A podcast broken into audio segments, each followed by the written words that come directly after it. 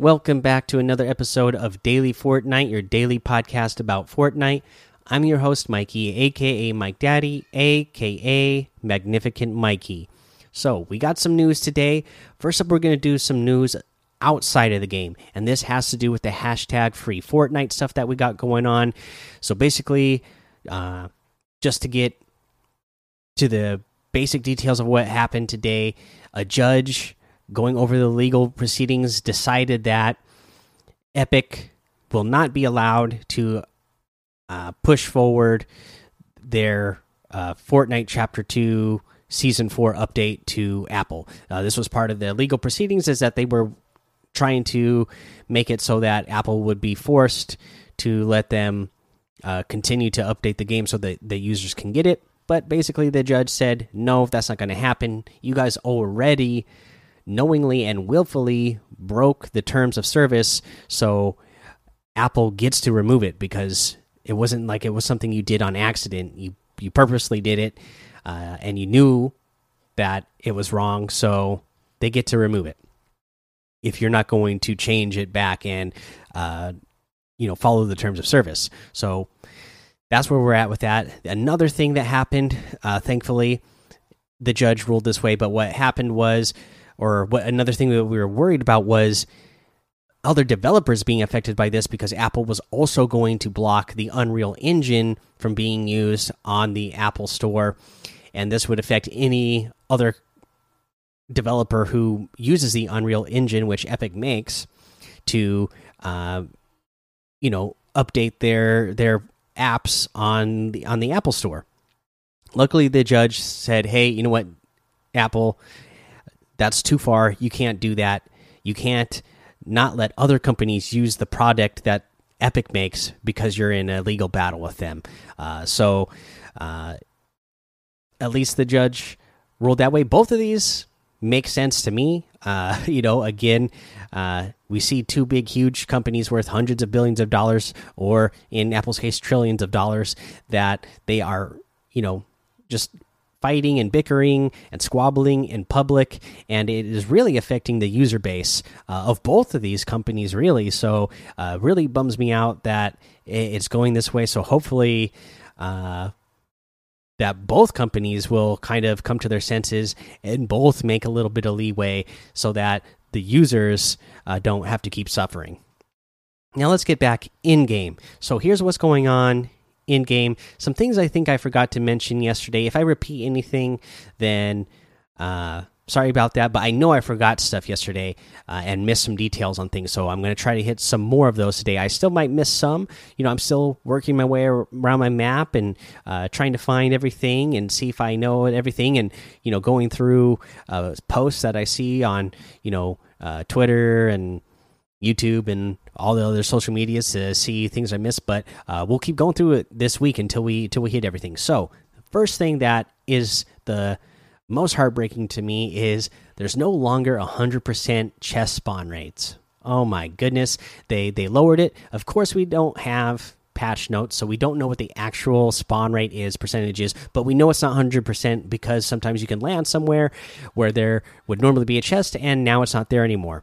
Uh, you know, we've been so spoiled since chapter two started that uh, it feels bad to not have it. I mean, I got used to knowing, like, hey, even if I go to a little area out in the middle of nowhere where nobody else is going to land, I know I'm going to get at least two or three chests there and hopefully come away with some decent loot that's no longer the case. You might go land at a, a, a, building now that might normally have three or four chests there, and uh, there is a chance that you might not get any chests there because again, it's not a long, no longer 100% chest rate anymore. That happened to me earlier today. I landed in a spot that I know there's like four or five chests, and I didn't find a single chest uh, in this location uh, when I landed there. So I thought, wow, how unlucky am I this match? and it feels really bad. I really wish that we were 100 percent spawn rate again. Uh, so it, you know, you always hear people talking about wanting to go to old old school Fortnite, but uh, you know, you you really have to pick and choose uh, what parts of old school Fortnite you want because there's some things that uh, I've been totally spoiled on in Chapter Two that I definitely wouldn't want to go back to, and uh, and I'm sad that we are back to with the uh, no longer having a 100% spawn rate. Uh, so let's see here what else we had. So porta forts that was something uh, that I didn't mention yesterday, uh, but porta forts are back in the game. And again, if you haven't, if you weren't playing when porta forts were a thing, they're like this little, uh, it's like a little cube ball thing that you pick up, and when you throw it, it automatically builds a fort wherever it landed. And then inside the fort, uh, the bottom of the fort, there are uh, four little tire piles that you can bounce to the to get to the top of the little fort there, and it's all made of metal too. So, you know, pretty powerful thing. Uh, pretty cool that Porta Forts back again. Another thing that I'm just like glad that you know we get these cool little silly items again back in the game. Uh, and then I mentioned that there's fish yesterday, but I didn't go through them. So let me go through them today. So we still have small fries, we still have floppers, we still have slurp fish, we still have, or here's the new things we have. We have the spike fish. This fish is it. It works like the pepper, so you you get a speed boost when you use the spike fish. They have the hop flopper, which is gives you uh, low gravity. So you know you jump higher and you float a little bit longer in the air, like Hop Rocks used to work. If you uh, played when Hop Rocks were back uh, back then when those were in the game. We have a slurp jellyfish. So they work like a chug splash. You can't throw them to use them, you have to consume them, but uh, they still work like a chug splash. So as long as your teammates are standing next to you when you eat the jellyfish, it'll splash uh, the teammates who are standing next to you.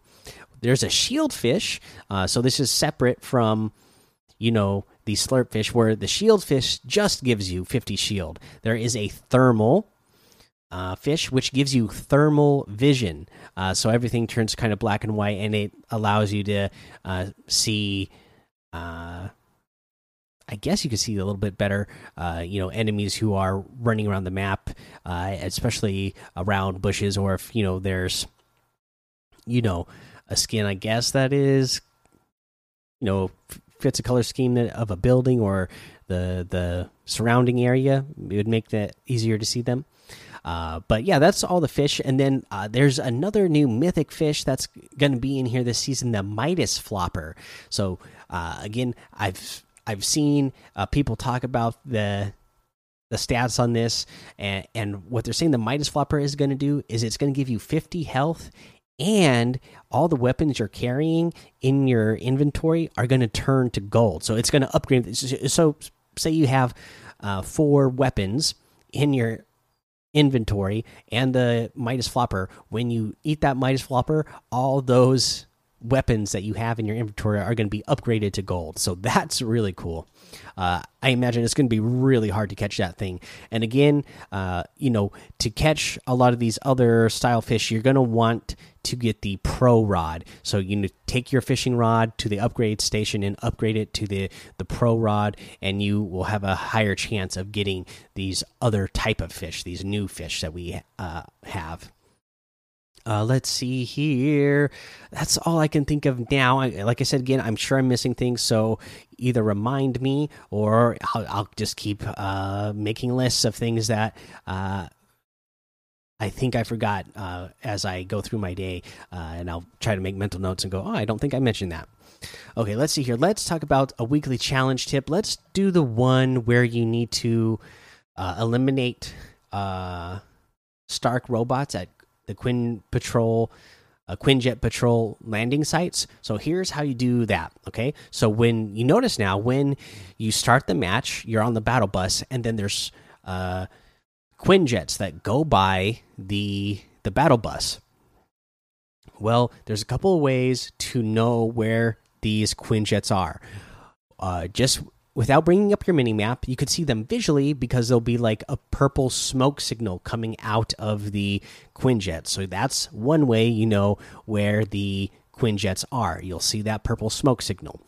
Uh, the other way is you can bring up the mini map, and wherever the Quinjets land, there is like a uh, outline of the Quinjets. Uh, marked on the mini map exactly where they are as well. So that's how you're going to do that.